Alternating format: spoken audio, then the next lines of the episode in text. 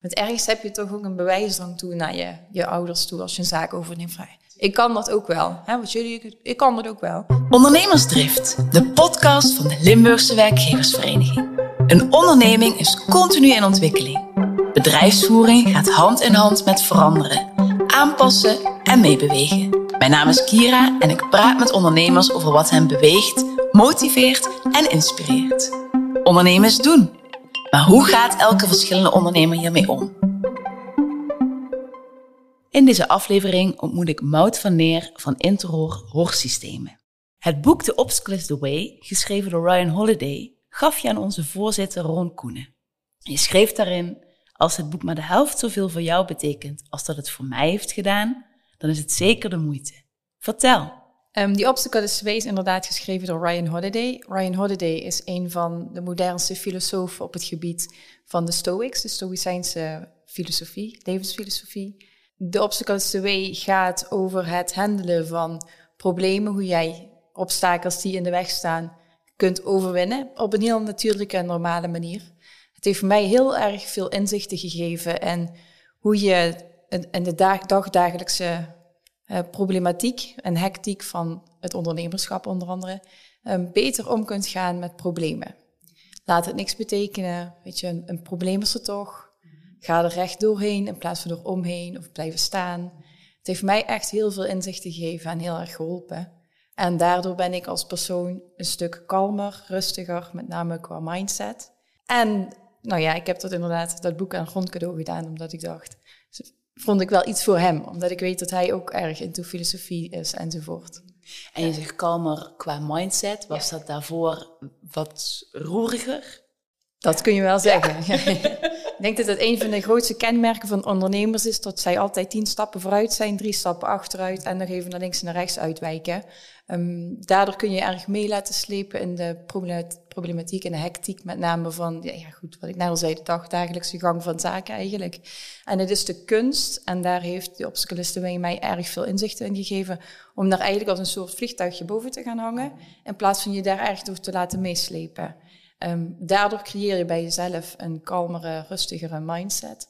En vanuit daar ja, zijn eigenlijk alle wegen open kun je veel beter je dag doorkomen. Althans, ik. Mooi. Ja. Zeg je dan ook hè, dat je hebt echt die aanknopt en gaan en gedachtes. En, maar ook dat die uitknop heel belangrijk is om ook echt afstand te kunnen nemen? Ja, het is niet zozeer belangrijk om een uitknop te hebben. Het is juist belangrijk om die aanknop altijd aan te hebben, maar wel op de juiste manier. Dus niet 25 aanknoppen tegelijkertijd aan, maar wel weten, oké, ik zet er drie aan en die andere even niet. En dan straks zet ik weer drie andere aan. En zo, dat eigenlijk. Dus ja, ja, want die aanknopje heb je toch. Dus die, om die uit te zetten, dan schakel je jezelf uit. Dat is ook niet de bedoeling. Het gaat zich er juist om dat je meer inderdaad zo'n helikopterview hebt. En weet van, oké, vandaag moet ik dit aanpakken, morgen dat. En wat along the way komt, komt, uh, komt tussendoor eigenlijk. En dan, ja goed, handel je dat gewoon af. Maar meer van een, een innerlijke... Ja, gewoon vanuit een rustigere mindset. Ja, in plaats van dat je je mee laat slepen gedurende de dag. Wil je eens binnen een minuut vertellen wie je bent, wat je bedrijf is? Uiteraard. Ik ben Mout Verneer, ik ben 33 jaar, ik woon in Roermond, vlakbij het LWV zelfs. Ik ben sinds negen jaar werkzaam bij Interhor. Na mijn opleiding Marketing Communicatie aan European Studies in Maastricht ben ik bij Vicoma begonnen. Dat is een van Limburgs grootste bedrijven, bij ons in de regio in ieder geval. De grote achtbaanbouwer. Um, uiteindelijk ben ik daar op de afdeling sales terechtgekomen. Ik heb vier superleuke, toffe, hele hectische jaren daar gehad. Um, op een gegeven moment besloten om de overstap te maken om in het bedrijf van mijn vader te gaan beginnen. Ik wist wel dat mijn vader een eigen bedrijf had, maar wat hij eigenlijk deed, geen idee. Ik ben er gewoon begonnen omdat hij al heel vaak had gezegd, dan kom toch eens naar mij en dat ga je heel leuk vinden. Ik denk, nou ja, laten we maar gewoon proberen en dan zien we wel. Na een jaar uh, vond ik dat zo leuk dat ik uiteindelijk inderdaad uh, goed heb besloten om mijn bedrijf over te gaan nemen. We hebben toen een plan gemaakt om dat in tien jaar te doen. Dat heb ik uiteindelijk in drie jaar gerealiseerd. En dat is ook het jaar daarna is mijn vader met pensioen gegaan. En vanaf dat moment, dus eigenlijk na vijf jaar, deed ik het helemaal alleen. Ja, dat is. En hoe was best wel. Goed, ik ben nu 33, negen jaar geleden, dus 24 toen ik daar begon, 27. Ja. Ja. ja. En je zegt, ik wist helemaal niet precies wat mijn vader deed, maar na een jaar ik had echt geen enkel idee. Ik wist wel iets met, met aluminium, want ik, ik ik ben dan natuurlijk wel vaker op de zaak geweest en ik hoorde altijd die zagen gaan en ik, hij kwam vaker thuis met weet je, aluminium splinters in zijn haren of uh, krassen op zijn armen. Uh, maar verder geen idee. Nee, ik wist het echt niet. Ik dacht, ja, ik ga gewoon beginnen en dan zien we wel. Um, het leukste daaraan nu vind ik de techniek. Dus dat wij van hele lange lengtes iets maken. Um, de productieproces eigenlijk vind ik nog altijd het allermooiste om te zien. En uiteindelijk het feit dat wij gewoon echt mensen blij maken met zoiets simpels als een hor. Ja. want iedereen slaapt natuurlijk graag s'nachts door. Ja. En het is echt een heel, heel nobel en fijn product om te maken, want je maakt er echt mensen blij mee. Ja. ja. Ik las hè, over wat je doet en, en inderdaad dat je het bedrijf van je vader hebt overgenomen. Dat je eerst heel nauw op het productieproces zat en nu veel meer vanuit de bedrijfsvoering.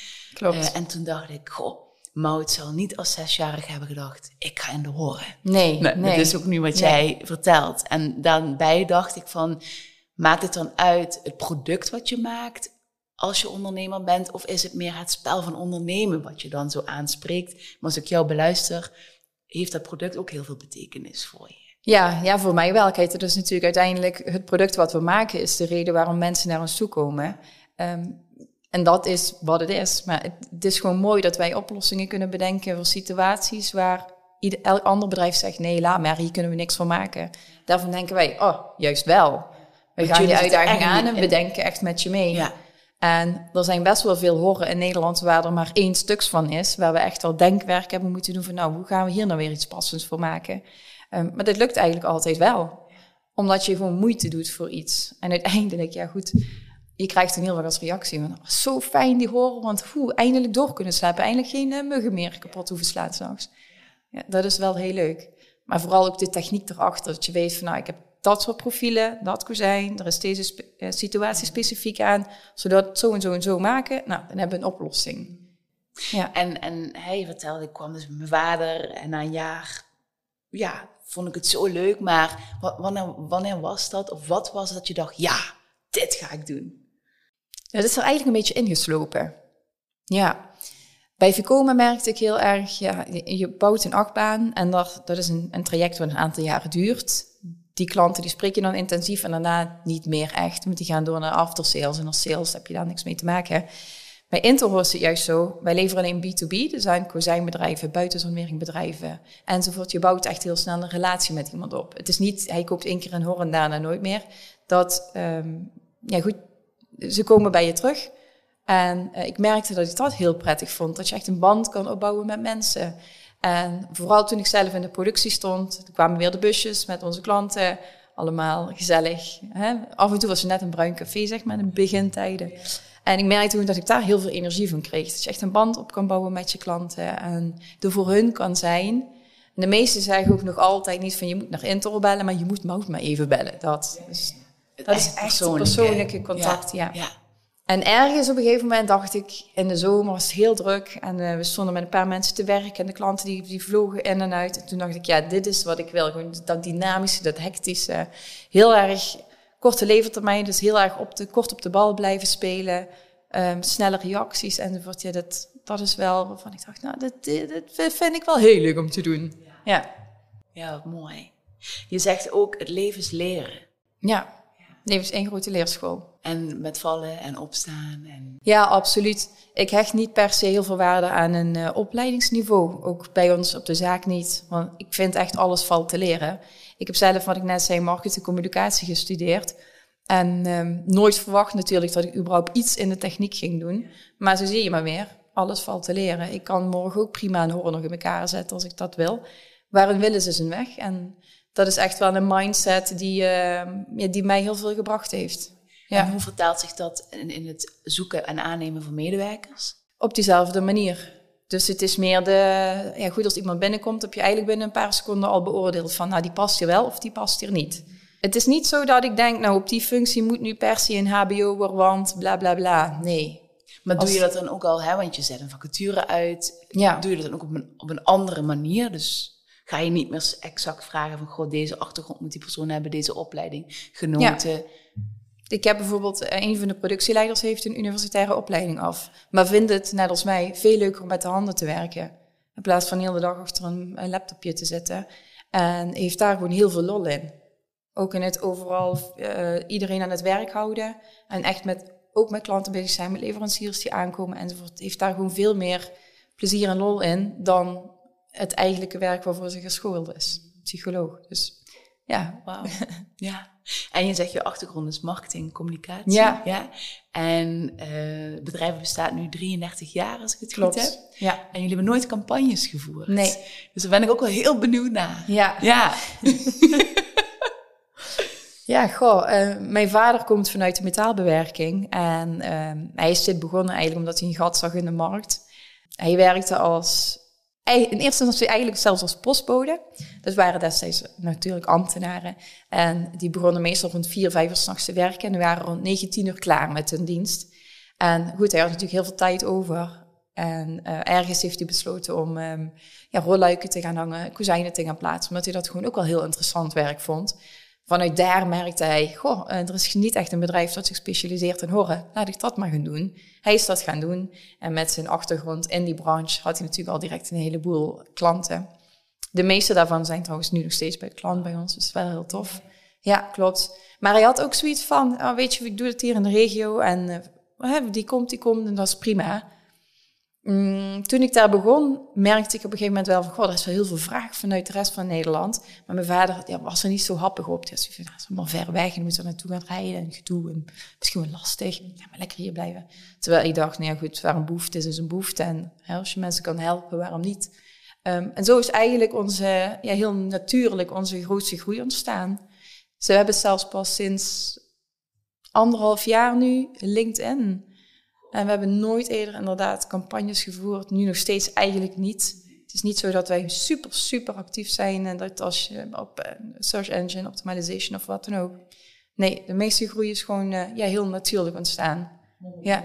ja, precies. Ja, in de branche. Goh, ja, de andere leverancier heeft me doorverwezen naar jullie, want ik zoek iets speciaals.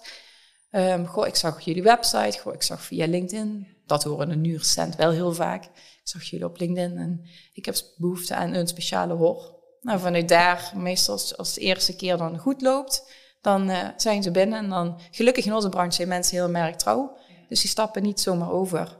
Wat van de ene kant wel uitdagend is, want daardoor ja, maakt natuurlijk niet iedereen ook direct de switch. Dus er moet echt wel een behoefte zijn die je kunt vervullen. Maar goed, dat doen we dan. Nou, zo hebben we een beetje natuurlijke, hele grote natuurlijke groei doorgemaakt de afgelopen jaren. Want ik las ook dat een van jullie doelen afgelopen jaar was jullie dealnetwerk uit te breiden. Ja. Behoorlijk uit te breiden. Mhm. Maar hoe heb je daar verder op ingezet? En je zegt, het is enerzijds natuurlijk gegaan. Ja, met name door LinkedIn inderdaad wel. Dat we, het is niet zo dat ik actief de markt inga en bij iedereen langs ga aan koude acquisitie. We merken gewoon dat werkt niet in onze branche. Daar kun je van alles van vinden, van alles van zeggen. Maar goed, gegeven moment is een branche ook zoals die is. En um, het meeste groei hebben we inderdaad gewoon gedaan door gewoon te laten zien wie we zijn. Mensen die aanhaken, haken aan. Ik heb ook wel heel veel, natuurlijk zelf heel veel op LinkedIn opgezocht en mensen berichten gestuurd. Waardoor je weer in contact komt met iemand.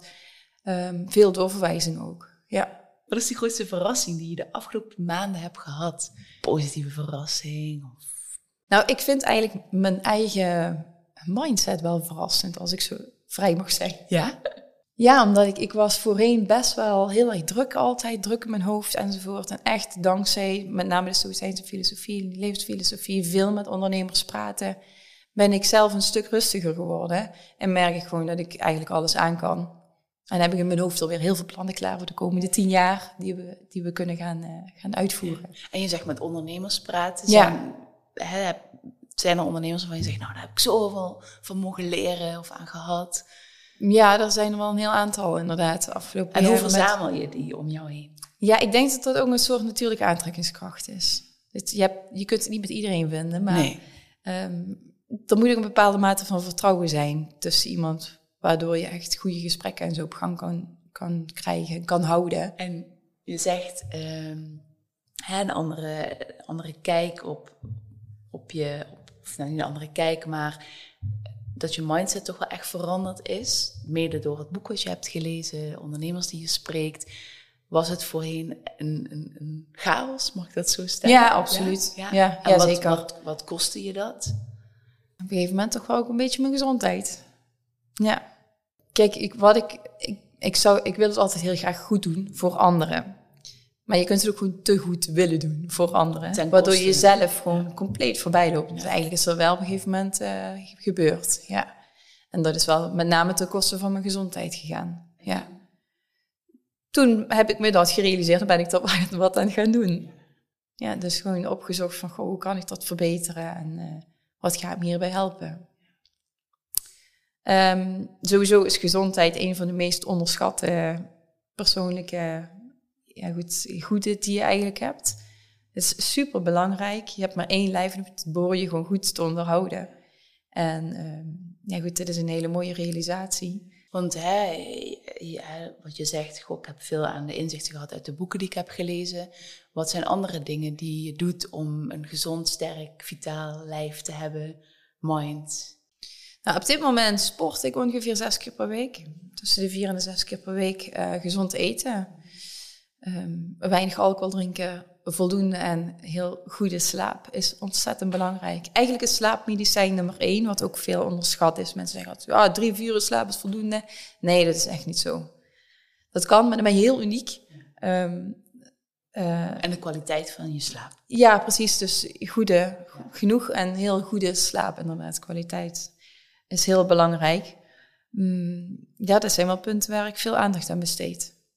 En gewoon een rustige levensstijl ook. Dus, ja. En met rustig bedoel ik, weet je, gewoon, ja, oké, okay, dat klinkt misschien heel cheesy omdat ik pas 33 ben, maar ik ga bijna niet op stap. Ik drink weinig alcohol, ik rook niet. Dus ik gewoon... En wat zijn voor jou de dingen naast het ondernemen waar je ja, heel veel levensvreugde en, en, en energie uithaalt? Want dat is natuurlijk ook heel belangrijk. Ja, absoluut. Ja, ja, ja. ja. Ja het is inderdaad belangrijk om af en toe gewoon echt wel af te schakelen. Niet uit te schakelen, niet te maar wel afschakelen inderdaad van je werk. Dat, dat heeft ieder mens nodig. Nou, ik heb een aantal vriendinnen waar ik heel graag dingen mee doe. uh, dat varieert van dagjes winkelen tot en met uh, een bootje huren en ergens naartoe varen. Een festival, heel af en toe. Um, maar met name gewoon ja, goede gesprekken voeren. Daar krijg ik heel veel energie van. Ja echt in de kern een beetje, toch stiekem een beetje filosofisch aangelegd ergens. Ik weet niet van wie ik dat heb, van mijn ouders, maar ja, dat brengt mij wel heel veel... Um, dat geeft mij heel veel energie als je met mensen echt diepgaande gesprekken kan hebben. En is het dan zo, hè, veel ondernemers waar ik mee spreek zeggen, nou, het is best wel lonely at de top. Ja. Hoe hè, zorg je dat je de juiste mensen om je heen verzamelt waar je echt die pure, open gesprekken mee kunt voeren en echt kan delen wat er gedeeld eigenlijk moet worden zonder filter. Ja. Nou heb ik het geluk dat, ik twee, dat mijn twee beste vriendinnen ook allebei ondernemers zijn. Dat wij op echt bijna elk niveau wel heel goed met elkaar levelen en het overal over kunnen hebben.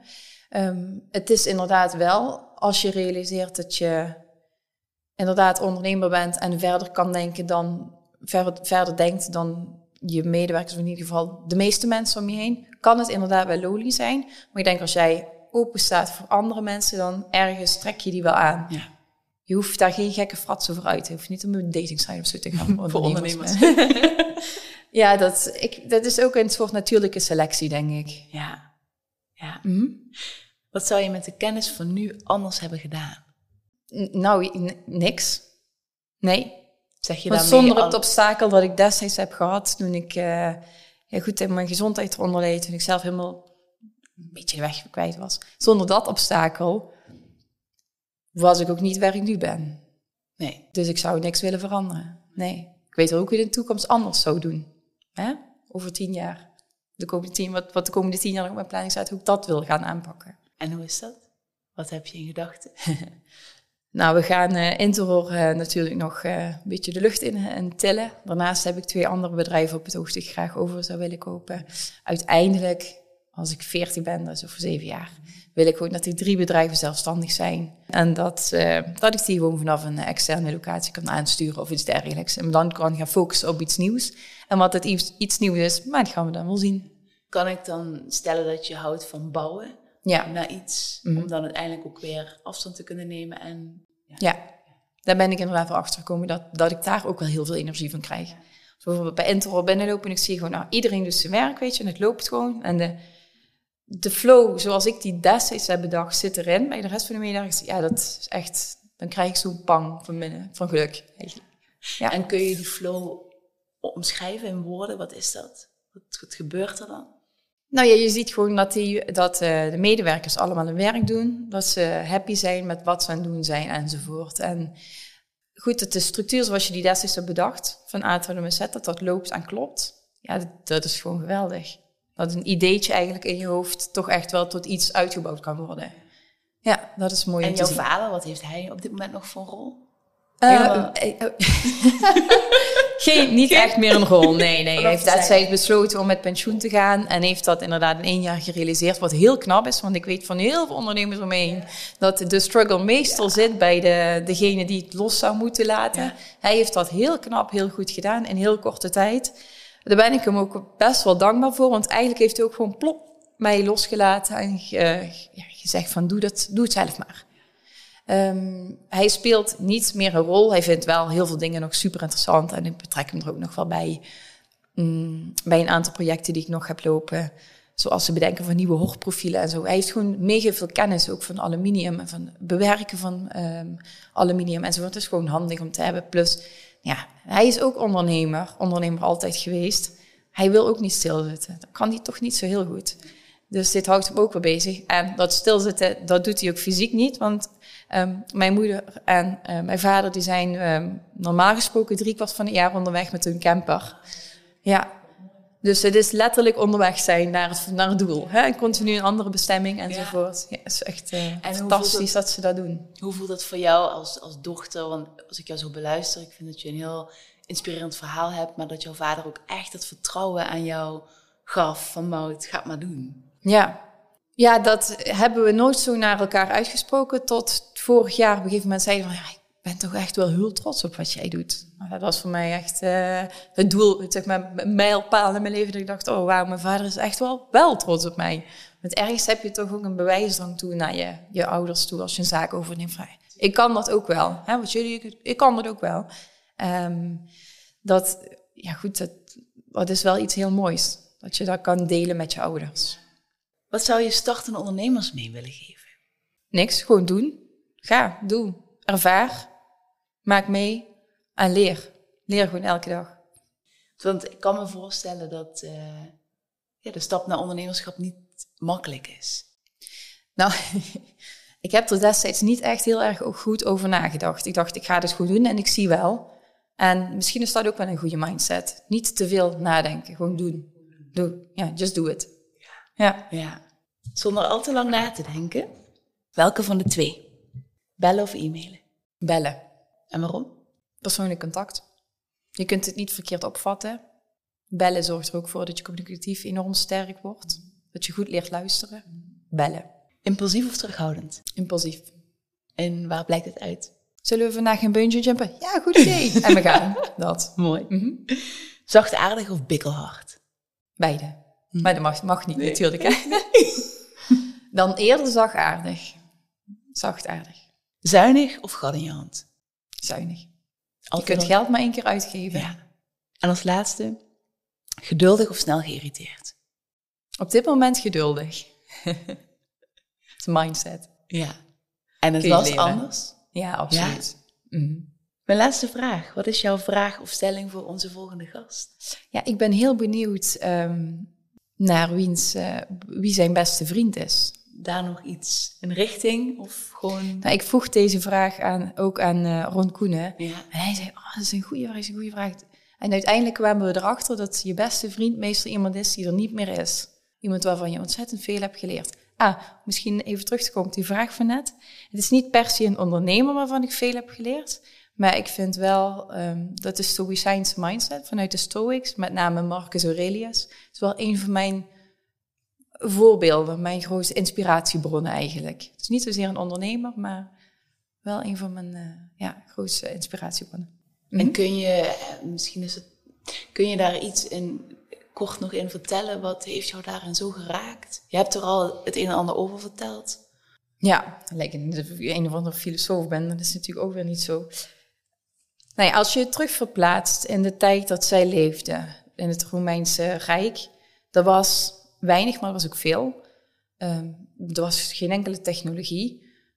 er waren constant oorlogen enzovoort. En om dan toch zo'n heel rijk aan te kunnen sturen, vergt toe best wel veel moed en doorzettingsvermogen, geduld, ehm, daadkracht, visie enzovoort.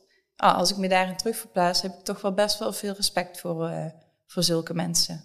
En dan met name voor degene, ja, voor Marcus Aurelius. Daar zijn ontzettend veel boeken nog van enzovoort. Mooi.